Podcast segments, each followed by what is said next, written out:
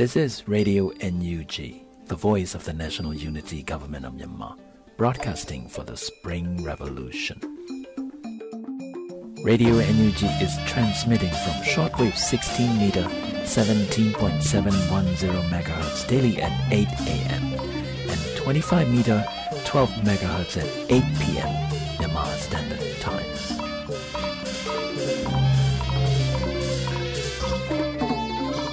ဂလာပါခင်ဗျာအမျိုးသားညီညွတ်ရေးအစိုးရရဲ့အသံလွှင့်ဌာန Radio NUG ကိုမနေ့၈နာရီမှာလိုင်းဒိုမီတာ16မီတာ18.87 MHz ညဘက်မှာလိုင်းဒိုမီတာ25မီတာ17 MHz တို့မှာတိုက်ရိုက်ဖမ်းယူနားဆင်နိုင်ပါပြီမင်္ဂလာအပေါင်းနဲ့ပြည့်စုံကြပါစေခုချိန်ကစပြီး Radio NUG အစီအစဉ်လေးကိုဓာတ်ရိုက်အသံလွှင့်ပေးနေပါပြီ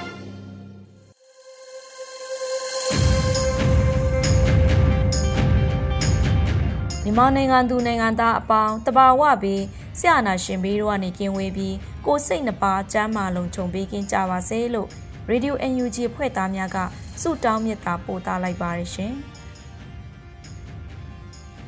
ခုချိန်ကစပြီး Radio UNG ရဲ့သတင်းအကျဉ်းချုပ်ကိုຫນွေဦးနှင်းစီကတင်ဆက်ပေးမှာဖြစ်ပါရရှင်။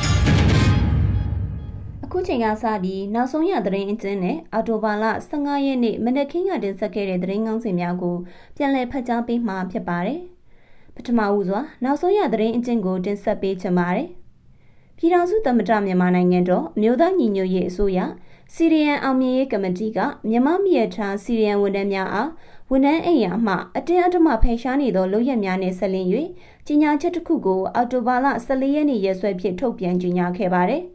မြမမိရထားစီရန်ဝန်ထမ်းများအားယာရုမှထုတ်ပယ်ခြင်းဝန်ထမ်းအဖြစ်မှထုတ်ပယ်ခြင်းဝန်ထမ်းအိမ်ယာများမှအကြမ်းဖက်စစ်တပ်နှင့်ရဲများကိုအုံပြု၍ဖယ်ရှားစေခြင်းတို့ကိုဆက်ဆုံးစွာရှုံချကြောင်းနှင့်ထို့သောပြုလို့ရာတွင်ပါဝင်သောသူများအားလုံးကိုမှတ်တမ်းပြုစု၍လိုအပ်သောရေးယူဆောင်ရွက်မှုများကိုပြုလုပ်သွားမည်ဖြစ်ကြောင်းပါရှိပါသည်အမျိုးသားညီညွတ်ရေးအစိုးရနိုင်ငံခြားရေးဝန်ကြီးဌာနသည်အင်းကြီးနိုင်ငံများနှင့်ဆက်ဆံရေးနေဆက်ဒေသလုံခြုံရေးဆိုင်ရာကြီးညာချက်အမှတ်9မြင်းဆောင်2021ကို အောက်တိုဘာလ14ရက်နေ့ကထုတ်ပြန်ကြေညာခဲ့ပါတယ်။ယင်းတွင် NUG အစိုးရအနေနဲ့လွတ်လပ်တက်ကြွသောနိုင်ငံခြားရေးမူဝါဒကိုလက်ကင်ကျင့်သုံးကြောင်းအိန္ဒိချင်းနိုင်ငံများနဲ့အစင်လာချစ်ချစ်ရင်းနှီးမှုကိုဆက်လက်ထိန်းသိမ်းရေးနှစ်နိုင်ငံအကျိုးစီးပွားရှိရေးရှိရှုကပူးပေါင်းဆောင်ရွက်မှုများမြင့်တင်ရေးကိုအခိုင်အမာရည်တည်ကြောင်းနဲ့ အခုအခါအိန္ဒိချင်းနိုင်ငံအားစင့်ကျင်ပုံကံလဲရှိသောလက်နက်ကိုင်အဖွဲ့အချို့သည်အာဏာသိမ်းစစ်ကောင်စီ၏အကာအကွယ်ဖြင့်မြန်မာနိုင်ငံအတွင်းအခြေချရုံမှကစစ်ကောင်စီတပ်များနှင့်ပူးပေါင်း၍ပြည်သူ့ကာကွယ်ရေးတပ်မတော်အားတိုက်ခိုက်ရာတွင်ပူးပေါင်းဆောင်ရွက်လျက်ရှိနေတာကြောင့်ရင်းအဖွဲ့အစည်းများအားမြန်မာနိုင်ငံအတွင်းအမိပြုအခြေချခြင်းကိုလက်ခံခွင့်ပြုမည်မဟုတ်ကြောင်းပါရှိပါသည်ခရမ်းမျိုးပြည်သူ့ကာကွယ်ရေးတပ်ဖွဲ့များကအော်တိုဘာလ3ရက်နေ့တွင် အာနာသိန်းစစ်ကောင်စီလက်အောက်ခံအုပ်ချုပ်ရေးမှူးများနှုတ်ထွက်ကြဖို့သတိပေးခဲ့ပြီးနောက်မြို့ပေါ်73ရပ်ကွက်နှင့်ကျေးရွာ56ရွာမှအုပ်ချုပ်ရေးမှူး65ဦးလုံးနှုတ်ထွက်သွားကြပြီဖြစ်ကြောင်းသိရှိရပါတယ်။ဒါကြောင့်အမျိုးသားညီညွတ်ရေးအစိုးရမှအော်တိုဘာလ12ရက်နေ့ရက်စွဲဖြင့်ခရမ်းမြို့နယ်ယာယီကြားကာလပြည်သူ့အုပ်ချုပ်ရေးအဖွဲ့ကိုဖွဲ့စည်းနိုင်ခဲ့ပြီးဖြစ်သည်ဟုကြေညာချက်ထုတ်ပြန်ပါတယ်။ထိုပြည်သူ့အုပ်ချုပ်ရေးအဖွဲ့တွင်မြို့မိမြို့ဖများပြည်သူ့ကာကွယ်ရေးအဖွဲ့များ လွှတ်တော်ကိုယ်စားလှယ်များစီရီယန်ဝန်ထမ်းများတက်ကြွလှုပ်ရှားသူများတရားရေးနှင့်ကျန်းမာရေးအဖွဲ့များစသဖြင့်အစုအဖွဲ့6ဖွဲ့မှကိုယ်စားလှယ်များအချိုးကျပါဝင်ဖွဲ့စည်းထားသည်ဟုသိရှိရပါတယ်။အခုဆက်လက်ပြီးမနက်ခင်းကတင်ဆက်ခဲ့တဲ့သတင်းကောင်းစီများကိုပြန်လည်ဖတ်ကြားပေးပါမယ်။အော်တိုဘာလ15ရက်နေ့မနက်ခင်းကတင်ဆက်ခဲ့တဲ့သတင်းကောင်းစီတွေကတော့မြန်မာနိုင်ငံလုံးဆိုင်ရာစီရီယန်မိသက်ဝန်ထမ်းကိုစားပြုကော်မတီတည်ထောင်ကြောင်း UNG အစိုးရကထုတ်ပြန် စကိုင်းတိုင်းဒေသကြီးလူအခွင့်အရေးချိုးဖောက်မှုများထပ်မဖြစ်အောင် UN မှာကုလသမဂ္ဂဆိုင်ရာမြန်မာအမြဲတမ်းကိုယ်စားလှယ်ဦးကျော်မိုးထွန်းကတောင်းဆို NUG အစိုးရအတွက်1 million ကမ်ပိန်းပြုလုပ်မည်ဟုစီစဉ်သူတွေကထုတ်ပြန် NUG ၏စီရီယန်အောင်မြင်ရေးကမတီကမိရထားစီရီယန်ဝန်ထမ်းအရေးဆိုင်ရာထုတ်ပြန်မြန်မာနိုင်ငံတော်ဝန်အာနာရှင်စန့်ကျင်ရေးလူထုဆန္ဒပြပွဲများဆက်လက်ဆင်နွှဲနေ တရုတ်မြန်မာနှစ်နိုင်ငံကုန်သွယ်မှုမျှတမှုမရှိလို့မြန်မာလုပ်ငန်းရှင်များဆုံးရှုံးမှုများနေသွင်းအားစုဈေးမြင့်နေခြင်းနဲ့စိုက်ပျိုးရေးဈေးများမြင့်တက်လာခြင်းတို့ကြောင့်စပါးစိုက်ပျိုးမှုလျော့နည်းလာနိုင်ကြောင်းခက်မှန်းစသည်တို့ဖြစ်ပါတယ်ကျမຫນွေဦးနှင်းစီပါ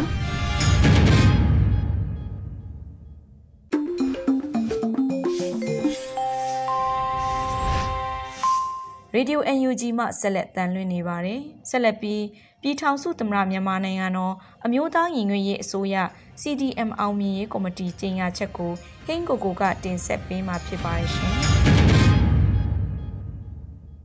ပြည်ထောင်စုသမ္မတမြန်မာနိုင်ငံတော်မျိုးသားညီညွတ်ရေးအစိုးရ CDM အောင်မြင်ရေးကော်မတီမြမမီယထား CDM ဝန်ထမ်းများအားဝန်ထမ်းအေယာမှအတင်းအဓမ္မဖယ်ရှားနေသောလုပ်ရများနှင့်ဆက်လင်း၍ထုတ်ပြန်ကြေညာခြင်း 14အောက်တိုဘာလ2021တစ်ပြည်ထောင်စုလွှတ်တော်ကိုစားပြုကော်မတီမှ2021ခုနှစ်မတ်လ1ရက်နေ့တွင်ကြေညာချက်အမှတ်10မြင်းဆောင်2021ဖြင့်ပြည်ထောင်စုသမ္မတမြန်မာနိုင်ငံတော်နှင့်နိုင်ငံသူနိုင်ငံသားများအပေါ်အကြမ်းဖက်မှုတိုက်ဖျက်ရေးဥပဒေပါအကြမ်းဖက်မှုများကိုကျူးလွန်လျက်ရှိသည့်နိုင်ငံတော်စီမံအုပ်ချုပ်ရေးကောင်စီအားအကြမ်းဖက်အုပ်စုဖြင့်ကြေညာခဲ့ပြီးဖြစ်ပါသည်။ နှစ်တဖန်2021ခုနှစ်မတ်လ9ရက်နေ့တွင်ကြေညာချက်အမှတ်17မြင်းဆောင်2021ဖြင့်ပြည်သူလူထုကဒီမိုကရေစီနည်းလမ်းအရတရားဝင်ရွေးကောက်တင်မြှောက်ထားသောပြည်သူအစိုးရစီမံအုပ်ချုပ်သည့်နိုင်ငံတော်ကိုသာကျေးဇူးသစ္စာစောင့်သည့်ရိုသေရန်ဖြစ်ပြီးတရားမဝင်အာဏာသိမ်းစစ်ကောင်စီကဥပဒေမဲ့အာဏာလုယူစီမံအုပ်ချုပ်နေသည့်နိုင်ငံတော်၏ကျေးဇူးသစ္စာကိုစောင့်သိရန်မလိုအပ်ကြောင်းဖော်ပြခဲ့ပြီးဖြစ်ပါသည်။ သို့သို့သော NAM CDM အရာတန်းအမှုတန်းများသည်တရားမဝင်အာဏာသိမ်းစစ်ကောင်စီအားတစ္ဆာခံ၍အကြမ်းမဖက်အာဏာဖီဆန်ရေးလှုပ်ရှားမှု Civil Disobedience Movement တွင်ပါဝင်ကာຫນွေဦးတော်လှန်ရေးတွင် ပြည်သူနှင့်အတူရက်တီလျက်ရှိသောမြမမီယတာ CDM ဝန်ထမ်းများအားဝန်ထမ်းအိမ်ယာများမှနေ၍ဖယ်ရှားပေးရန်အကြမ်းဖက်ရဲတပ်ဖွဲ့ဖြင့်ချင်းချောက်ကာအတင်းအဓမ္မဖယ်ရှားခိုင်းလျက်ရှိသည်ကိုစီစစ်တွေ့ရှိရပါသည် လေမိမိတို့နေဖြင့်ယခုကဲ့သို့မြမမီယတာ CDM ဝန်ထမ်းများအားယာရုမှထုတ်ပယ်ခြင်းဝန်ထမ်းဖြစ်မှထုတ်ပစ်ခြင်းဝန်ထမ်းအိမ်ယာများမှအကြမ်းဖက်စစ်တပ်နှင့်ရဲများကိုအုံပြု၍ဖယ်ရှားစေခြင်းတို့ကိုဆက်ဆုပ်စွာရှုံချပါသည်ငါထို့သောယာရုမှထုတ်ပယ်ခြင်းဝန်ထမ်းဖြစ်မှထုတ်ပစ်ခြင်းတို့အပြင်ဝန်ထမ်းအိမ်ယာများမှအကြမ်းဖက်စစ်တပ်နှင့်ရဲများကိုအုံပြု၍ဖယ်ရှားခြင်းများပြုလုပ်ရာတွင်အမိန်ပေးစေခိုင်းသော လက်တွေ့ပြုမှုဆောင်ရွက်သော အားပေးကူညီသော လူပုဂ္ဂိုလ်များအားလုံးကိုမှတ်တမ်းပြုစုကာလိုအပ်သောရေးယူဆောင်ရွက်မှုများပြုလုပ်သွားမည်ဖြစ်ပြီးပြုမှုခံရသောမြမမီယထား CDM ဝန်ထမ်းများအားလည်းပြည်သူလူထုတရက်လုံးကဝိုင်းဝန်းကူညီပံ့ပိုးပေးကြပါရန်မေတ္တာရက်ခံအပ်ပါသည်မန်ဝင်းခိုင်တန်းပြည်ထောင်စုဝင်ကြီးချုပ်မျိုးသားညီညွတ်ရေးအစိုးရဥက္ကဋ္ဌ CDM အောင်မြင်ရေးကော်မတီ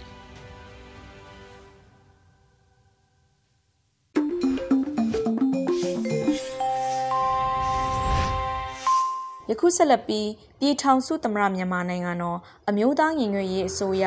နိုင်ငံခြားရေးဝန်ကြီးဌာနကြီးညာချက်အမှတ်9မြင်းဆောင်2021ကိုຫນွေဦးဟန်နီကတင်ဆက်ပေးမှာဖြစ်ပါရဲ့ရှင်။ပြည်ထောင်စုသမ္မတမြန်မာနိုင်ငံတော် အမျိုးသားညီညွတ်ရေးအစိုးရနိုင်ငံခြားရေးဝန်ကြီးဌာန၏အိန္ဒိချင်းနိုင်ငံများနှင့်ဆက်ဆံရေးနှင့်နေဆက်ဒေသလုံခြုံရေးဆိုင်ရာကြေညာချက်ကြေညာချက်အမှတ်9မြင်းဆောင်2021အောက်တိုဘာလ14ရက်2021ခုနှစ်ပြည်ထောင်စုမြန်မာနိုင်ငံတော်အမျိုးသားညီညွတ်ရေးအစိုးရသည်ပြည်သူ့ဗဟိုပြု၍ Federal Democracy ပြည်ထောင်စုစံတန်ဖိုးများကိုအခြေခံသည့်လွတ်လပ်တက်ကြွသောနိုင်ငံသားရေးမူဝါဒကိုလက်ကင်ကျင့်သုံးသည်။ အထူးသဖြင့်အိန္ဒိချင်းနိုင်ငံများနှင့်အစဉ်အလာချစ်ကြည်ရင်းနှီးမှုကိုဆက်လက်ထိန်းသိမ်းရေးနှစ်နိုင်ငံအကျိုးစီးပွားရှိရေးရှေ့ရှုကာပူးပေါင်းဆောင်ရွက်မှုများမြင့်တင်ရေးကိုအခိုင်အမာရည်တမ်းသည် ယခုအခါအိန္ဒိချင်းနိုင်ငံအားဆန့်ကျင်ပုံကန်လျက်ရှိသောလက်နက်ကိုင်အဖွဲ့အချို့သည်အာဏာသိမ်းစစ်ကောင်စီ၏အကာအကွယ်ဖြင့်မြန်မာနိုင်ငံအတွင်းအခြေချလျက်ရှိသည်ကို၎င်းစစ်ကောင်စီတပ်များနှင့်ပူးပေါင်းလျက်ပြည်သူ့ကာကွယ်ရေးတပ်မတော်အားတိုက်ခတ်ရာတွင်ပူးပေါင်းဆောင်ရွက်လျက်ရှိသည်ကို၎င်းတွေ့ရှိရသည်။ တာဝန်သည့်ဒေသတွင်းနိုင်ငံအစိုးရတရဲ့အနေဖြင့်နေဆက်ဒေသအခြေခံအဆောက်အုံဆိုင်ရာလှုပ်ထုံးလုံနည်းများမူဝါဒများပြည်စင်ဆောင်ရွက်ရာတွင်နေဆက်ဒေသတည်ငြိမ်ရေးနှင့်လုံခြုံရေးကိုထိမ့်သိမ်းနိုင်ရေးကိုအလေးထားကြောင်းထပ်လောင်းအတည်ပြုလိုသည်ထ တို့ဖြစ်ပါ၍အမျိုးသားညီညွတ်ရေးအစိုးရသည်အိန္ဒိချနိုင်ငံများအားစန့်ကျင်ပုံကန့်ရန်ရည်ရွယ်ချက်ဖြင့်ဖွဲ့စည်းထားသောလက်နက်ကိုင်အဖွဲ့အစည်းများအားမြန်မာနိုင်ငံအတွင်းအမိပြုအခြေချခြင်းကိုလက်ခံခွင့်ပြုမည်မဟုတ်ကြောင်းထုတ်ပြန်ကြေညာအပ်သည်။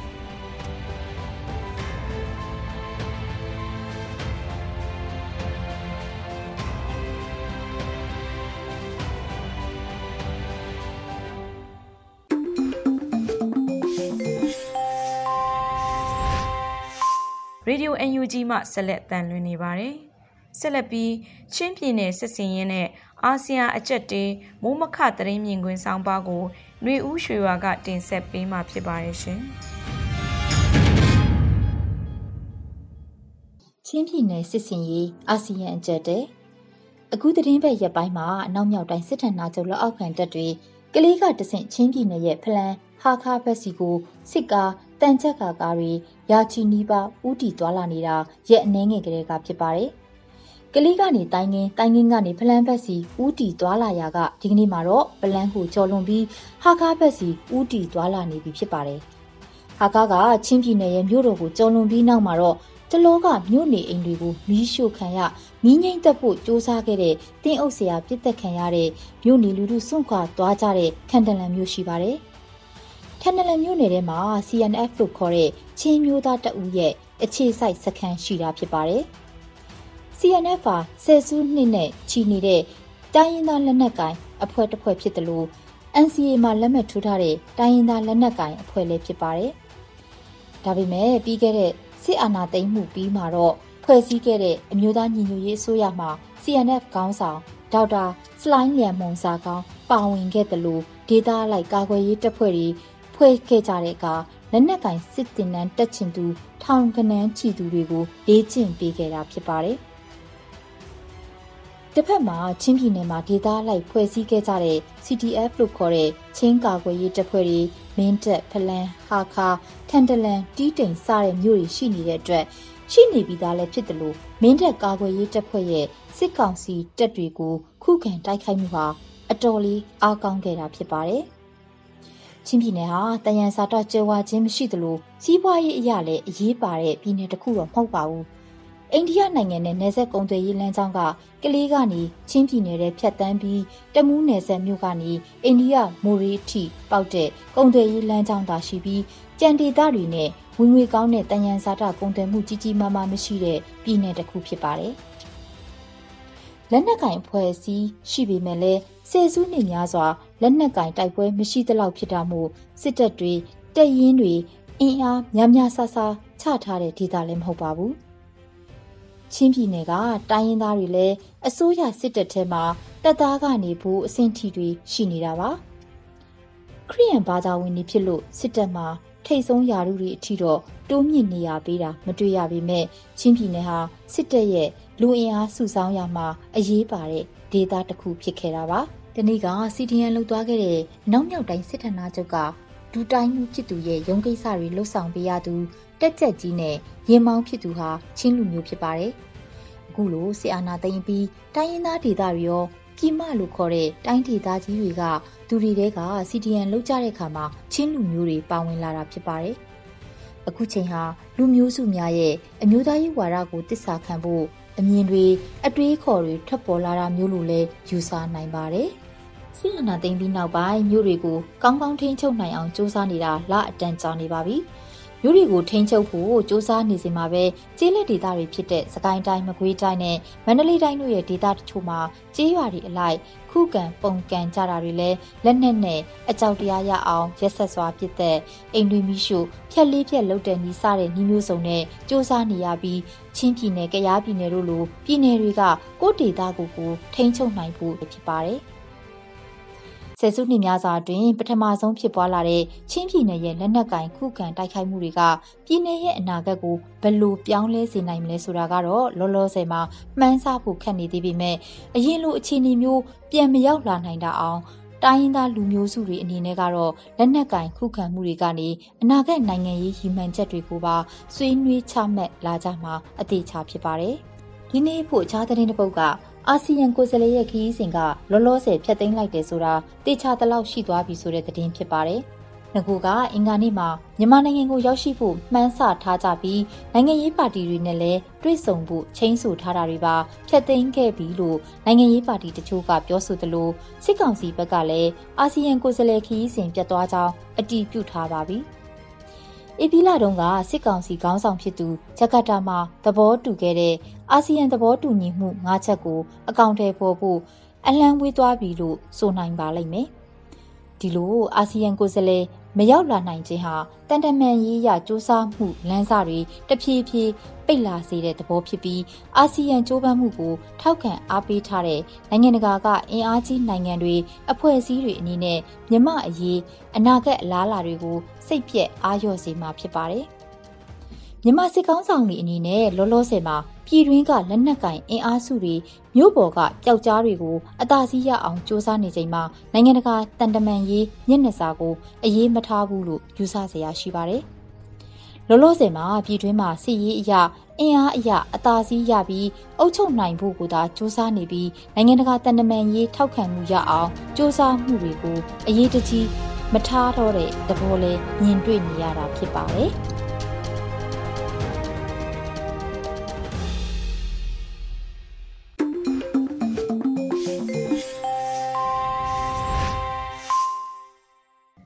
ဆက်လက်ပြီး Radio UNG ရဲ့တော်လိုင်းရေးတေးဂီတအစီအစဉ်မှတေးဆိုရိုးထင်တီဆိုထားတဲ့နောက်ဆုံးဆူတောင်းဆိုတဲ့တခြင်းကို နားဆင်ကြရမှာဖြစ်ပါရဲ့ရှင်။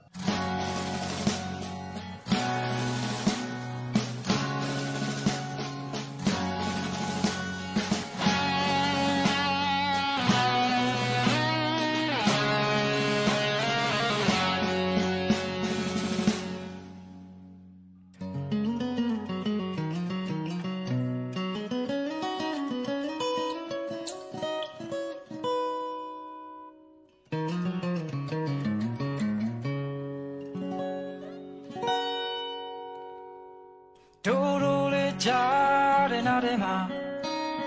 အိုးမဲအတန်များကိုကိုဘစ်ကားတွေပြောရမလားဒီဓာတ်ပုံများယုံရင်သေးဖို့ခုထိရင်ပါထဲမှာရေမနိုးပဲအိစတော်တဲ့သူကျွန်တော်ကြွေတဲ့အစိုးတော်ကြီးအား 누가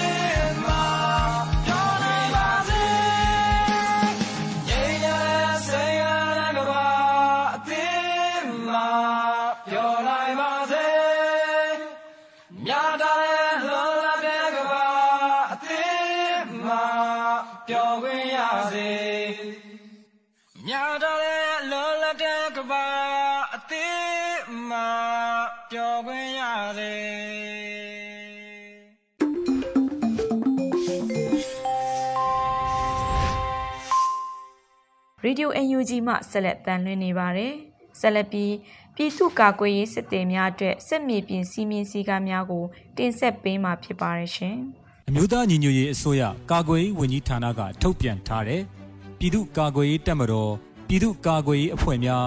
အထူးတပ်ဖွဲ့များနှင့်ပတ်သက်သောညွှန်ကြားချက်များပြည်သူ့တော်လှန်ရေးစစ်သည်စစ်မြေပြင်စီမင်းစည်းကမ်းများအထက်အမိန့်ကိုနာခံပါ မိမိတပ်ဖွဲ့အပေါ်တစ္ဆာရှိပါမိမိလက်နက်ကိုမိမိအသက်ကဲ့သို့တန်ဖိုးထားပါအရေးပေါ်လိုအပ်ချက်အရာအယက်သားပြည်သူပိုင်ပစ္စည်းများကိုအသုံးပြုရပါကတန်ရာတန်ဖိုးပေးပါတုံပန်းများကိုညှဉ်းပန်းခြင်းတပ်ဖြတ်ခြင်းမပြုရတင့်လျော်သောနေရာတွင် ထိမ့်သိမ်းထားရမည်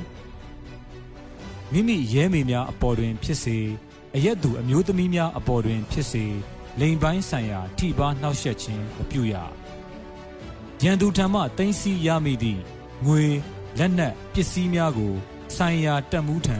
စည်ရင်းနှင့်တကွအနှံရမည်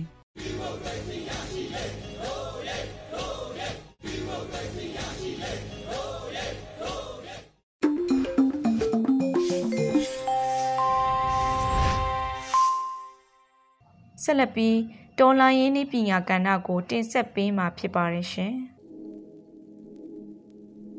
တလိုင်းနည်းပညာစီစဉ်ကနေအားလုံးကိုပြန်လည်ကြိုဆိုလိုက်ပါတယ်မြန်မာနိုင်ငံသူနိုင်ငံသားအပေါင်းမင်္ဂလာပေါင်းနဲ့ပြည့်စုံတဲ့နေ့ရက်တွေကိုအမြဲဆုံးပြန်လည်ပိုင်ဆိုင်နိုင်ကြပါစေကြောင်းတော်လိုင်းနည်းပညာစီစဉ်ကဝိုင်းတော်သားတွေကဆုတောင်းမြတ်တာပို့သလိုက်ပါတယ် အမျိုးသားညီညွတ်ရေးအစိုးရ NUG အနေနဲ့နိုင်ငံတော်အားအရေးပေါ်အခြေအနေသတ်မှတ်ကြောင်းကြေညာချက်ကိုစက်တင်ဘာလ9ရက်နေ့မှာထုတ်ပြန်ခဲ့တာကိုမိတ်ဆွေတို့အားလုံးသိရှိပြီးသားဖြစ်မှာပါဒီကြေညာမှုနောက်ပိုင်းမှာနိုင်ငံရေးလှုပ်ခတ်မှုလေးတွေဟာလည်းအရွေ့ပို၍မြန်လာတာကိုတွေ့မြင်ရပါမယ်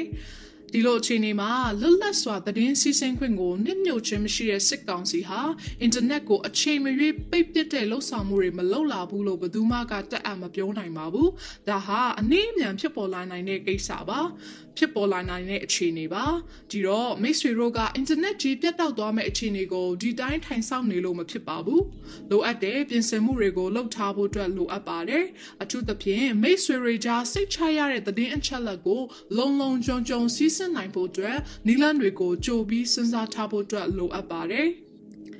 ဒီပတ်မှာတော့တော်လိုင်းနည်းပညာအစီအစဉ်ကနေအင်တာနက်တွေပြတ်တောက်သွားပေမဲ့မိုဘိုင်းဖုန်းအသုံးပြုလို့ရတဲ့အခြေအနေမှာမိတ်ဆွေတို့အသုံးပြုနေတဲ့မိုဘိုင်းဖုန်းကနေတဆင့်ပေးပို့နိုင်တဲ့ SMS စနစ်တွေကနေလုံခြုံစွာပေးပို့နိုင်စေဖို့အတွက် SILENCE Silent ဆိုတဲ့ application လေးအကြောင်းကိုဝေမျှပေးသွားမှာပဲဖြစ်ပါတယ်။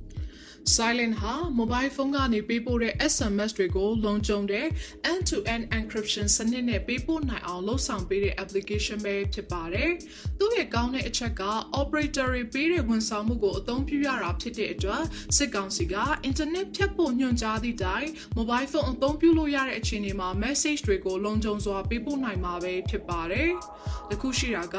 operator တွေရဲ့ SMS ဝန်ဆောင်မှုကိုအသုံးပြုရတာဖြစ်တဲ့အတွက်ကြောင့်ကုန်ကျစရိတ်ကတော့ operator တွေကသတ်မှတ်တဲ့ SMS ဝန်ဆောင်မှုကုန်ကျစရိတ်အတိုင်းကုန်ကျနိုင်ပါတယ်။အင်တာနက်ရှိနေစဉ်လောက်ကတော့မသက်သာဘူးပေါ့လေဝမ်းနည်းစရာကောင်းတာကတော့ silence application ကို Android user တွေသာအသုံးပြုနိုင်မှာဖြစ်ပြီး iOS user တွေကတော့ဒီ application ကိုအသုံးပြုနိုင်မှာမဟုတ်ပါဘူးအင်တာနက်ပြတ်တောက်နေစဉ်အရေးကြီးတဲ့အချက်လက်တွေကို silent လို့ encrypted လုပ်ပေးတဲ့ app တွေအကူအညီမပါဘဲပေးပို့မယ်ဆိုရင် operator ရဲ့ server မှာသင်ပေးပို့သမျှအချက်လက်တွေကအလွယ်တကူတွေ့မြင်ရပါတယ်။စစ်ကောင်စီဟာ operator တွေကိုဖိအားပေးပြီးသင်ပေးပို့တဲ့အချက်လက်တွေကိုအတင်းအဓမ္မတောင်းယူကြည့်ရှုခံရနိုင်တဲ့အခြေအနေဟာအချိန်မရွေးဖြစ်နိုင်ပါတယ်။ အဲဒါကြောင့်သင်ဟာ Android phone အသုံးပြုသူတယောက်ဆိုရင်တော့ဒီ application ကိုမဖြစ်မနေ download လုပ်ဖို့အတွက်အကြံပြုပေးချင်ပါတယ်။ထပ်မံသတိပြုရမယ့်အချက်ကဒီ app ကနေ encrypted လုပ်ပြီးပေးပို့ချင်တယ်ဆိုရင်တော့ပေးပို့မဲ့သူရောလက်ခံမဲ့သူရောဟာဒီ application ကိုသုံးစွဲတဲ့သူတွေဖြစ်ဖို့အတွက်လိုအပ်ပါတယ်။ သင်ဖုန်းဟာ Google Play Store ဝန်ဆောင်မှုကိုအသုံးပြုနိုင်တယ်ဆိုရင်တော့ Google Play Store မှာတွားရောက်ပြီး install လုပ်ပါဒီဝန်ဆောင်မှုမရရင်လည်းမပူပါနဲ့ကျွန်တော်တို့ပေးထားတဲ့ App Store link မှာလည်းတွားပြီး download လုပ်ယူလို့ရပါတယ်ကဲဒါဆိုရင် app ကိုဘယ်လိုသုံးရမလဲပြောပြပေးမယ်နော်ပထမဆုံးအနေနဲ့ silent application ကို install လုပ်ပါပြီးသွားရင်တော့ application ကိုဖွင့်ပြီးပထမဆုံးပေါ်လာတဲ့ page မှာ continue ကိုနှိပ်ပါ နောက်စာမျက်နှာရဲ့ညာဘက်အောက်နားကမြားလေးကိုဆက်နှိပ်ပေးပါပြီးရင်နောက်ပေါ်လာတဲ့စာမျက်နှာမှာ US default SMS app လို့မေးလာပါလိမ့်မယ် set ကိုနှိပ်ပါအဲ့ဒါဆိုရင် set silent as your default SMS app ဆိုပြီးထပ်မေးတဲ့ box လေးပေါ်လာပါလိမ့်မယ် silence application ကိုရွေးပြီး set as default ကိုနှိပ်ပါပြီးသွားရင်တော့ import system SMS ဆိုပြီးမေးလာပါလိမ့်မယ် import ကိုနှိပ်လိုက်ပါ နောက်ထပ်ပေါ်လာတဲ့ enable delivery report မှာ enable ကိုနှိပ်ပေးပါယခုဆိုရင်တော့သင်ဟာ silent app ကိုအသုံးပြုနိုင်ဖို့အဆင်သင့်ဖြစ်သွားတဲ့အခြေအနေကိုရောက်သွားပါပြီဒါပေမဲ့ silent ကိုသုံးပြီးဒီတိုင်းပို့နေမယ်ဆိုရင်သင် message တွေဟာ end to end encrypted မဖြစ်ပါဘူး ဒီတော့ silence အသုံးပြုသူအချင်းချင်းကြားမှာ end to end encrypted ပြုလုပ်ပြီး SMS ပေးပို့ခြင်းနဲ့ဆိုရင်တော့ silence app အသုံးပြုတဲ့သင်မိတ်ဆွေတူစီကိုစာမပို့ခင်သင်လှုပ်ဆောင်ရမယ့်အဆင့်တချို့ရှိပါတယ်အဆင့်တစ်အနေနဲ့ silence အသုံးပြုတဲ့သင်မိတ်ဆွေရဲ့ SMS message box လေးကိုဖွင့်လိုက်ပါညာဘက်အပေါ်တောင်းလေးမှာတော့ပုံစံလေးဟာယခုအချိန်မှာပွင့်နေတာကိုတွေ့ရပါမယ်။ဒါဆိုရင်တော့ end to end encrypted မဖြစ်သေးဘူးလို့ဆိုနိုင်ပါတယ်။ အစစ်နှစ်အနေနဲ့အဲ့ဒီတော့ပုံလေးပုံကိုနှိပ်လိုက်ပါ Start Secure Session လို့ပေါ်လာမှာကိုတွေ့ရမှာဖြစ်ပါတယ်။အဲ့ဒီပေါ်လာတဲ့ Start Secure Session လေးကိုနှိပ်လိုက်ပါသင်နဲ့သင်မိတ်ဆွေဟာ initiate secure session လို့မလားလို့မေးလာပါလိမ့်မယ် yes လို့နှိပ်ပေးလိုက်ပါခဏအကြာမှာတော့တင်းရဲ့တော့ပုံလေးဟာရခင်မြင်ရသလိုပွင့်နေတဲ့ပုံစံလေးမဟုတ်ပဲ lock ဖြစ်သွားတာကိုတွေ့ရပါလိမ့်မယ်။ ဒါဆိုရင်တော့သင်ဟာ silence ကနေတဆင့်လုံခြုံစွာ SMS တွေကိုပေးပို့နိုင်ပြီပဲဖြစ်ပါတယ်။ silent ရဲ့ privacy အောက်မှာလည်း app ကို face freeze လုပ်တာတွေ screenshot လုပ်ခြင်းကကာကွယ်တာတွေမိမိရိုက်ထားတဲ့စာတွေကို keyboard တွေရဲ့ system တွေကမှတ်မထားအောင် incognito keyboard ကို on ထားတာတွေလုပ်နိုင်ပါသေးတယ်။ တင်တဲ့တင်မိတ်ဆွေတွေအနေနဲ့လုံခြုံတဲ့သတင်းစကားတွေကိုအချိန်နဲ့တပြေးညီဝေမျှနိုင်ဖို့ internet ရှိနေစင်မှာပဲကြိုတင်ပြင်ဆင်မှုတွေကိုလုပ်ထားပါလို့အကြံပြုရင်းနဲ့ပဲနောက်ပတ်များမှာလည်းတော်လိုင်းရင်းနည်းပညာအစီအစဉ်ကနေဘလို့အကြောင်းအရာတွေကိုမျှဝေသွားအောင်လဲဆိုတာကိုဆက်လက်နာတော်တာဆင်ပေးကြပါအောင်ရှင်။ဒီကနေ့တော့ဒီညနဲ့ပဲ Radio NUG အစီအစဉ်လေးကိုကိတ္တရန်နာလိုက်ပါမယ်မြန်မာစံတော်ချိန်မနေ့၈နာရီ ညနေ၈နာရီတို့မှာပြန်လည်တွေ့ဆုံကြပါစို့ Radio NUG ကိုမနက်၈နာရီမှာလိုင်းဒိုမီတာ16မီတာ19.87 MHz ညဘက်မှာလိုင်းဒိုမီတာ25မီတာ12 MHz တို့မှာတိုက်ရိုက်ဖမ်းယူနားဆင်နိုင်ပါပြီ။မြန်မာနိုင်ငံသူနိုင်ငံသားများကိုစိတ်နှပြချမ်းမာချမ်းသာလို့ဘေးကင်းလုံခြုံကြပါစေလို့ Radio NUG အဖွဲ့သူအဖွဲ့သားများဆုတောင်းပေးလိုက်ပါတယ်။အ မျိုးသားညီညွတ်ရေးအစိုးရရဲ့ဆက်သွယ်ရေးသတင်းအချက်အလက်နဲ့ဤပညာဝန်ကြီးဌာနကထုတ်လွှင့်နေတဲ့ Radio NUG ဖြစ်ပါတယ်။ San Francisco Bay Area ခြေဆိုင်မြန်မာမိသားစုများနဲ့နိုင်ငံတကာကစေတနာရှင်များလုံအားပေးများရဲ့ Radio NUG ဖြစ်ပါတယ်။အရေးတော်ပုံအောင်ရမည်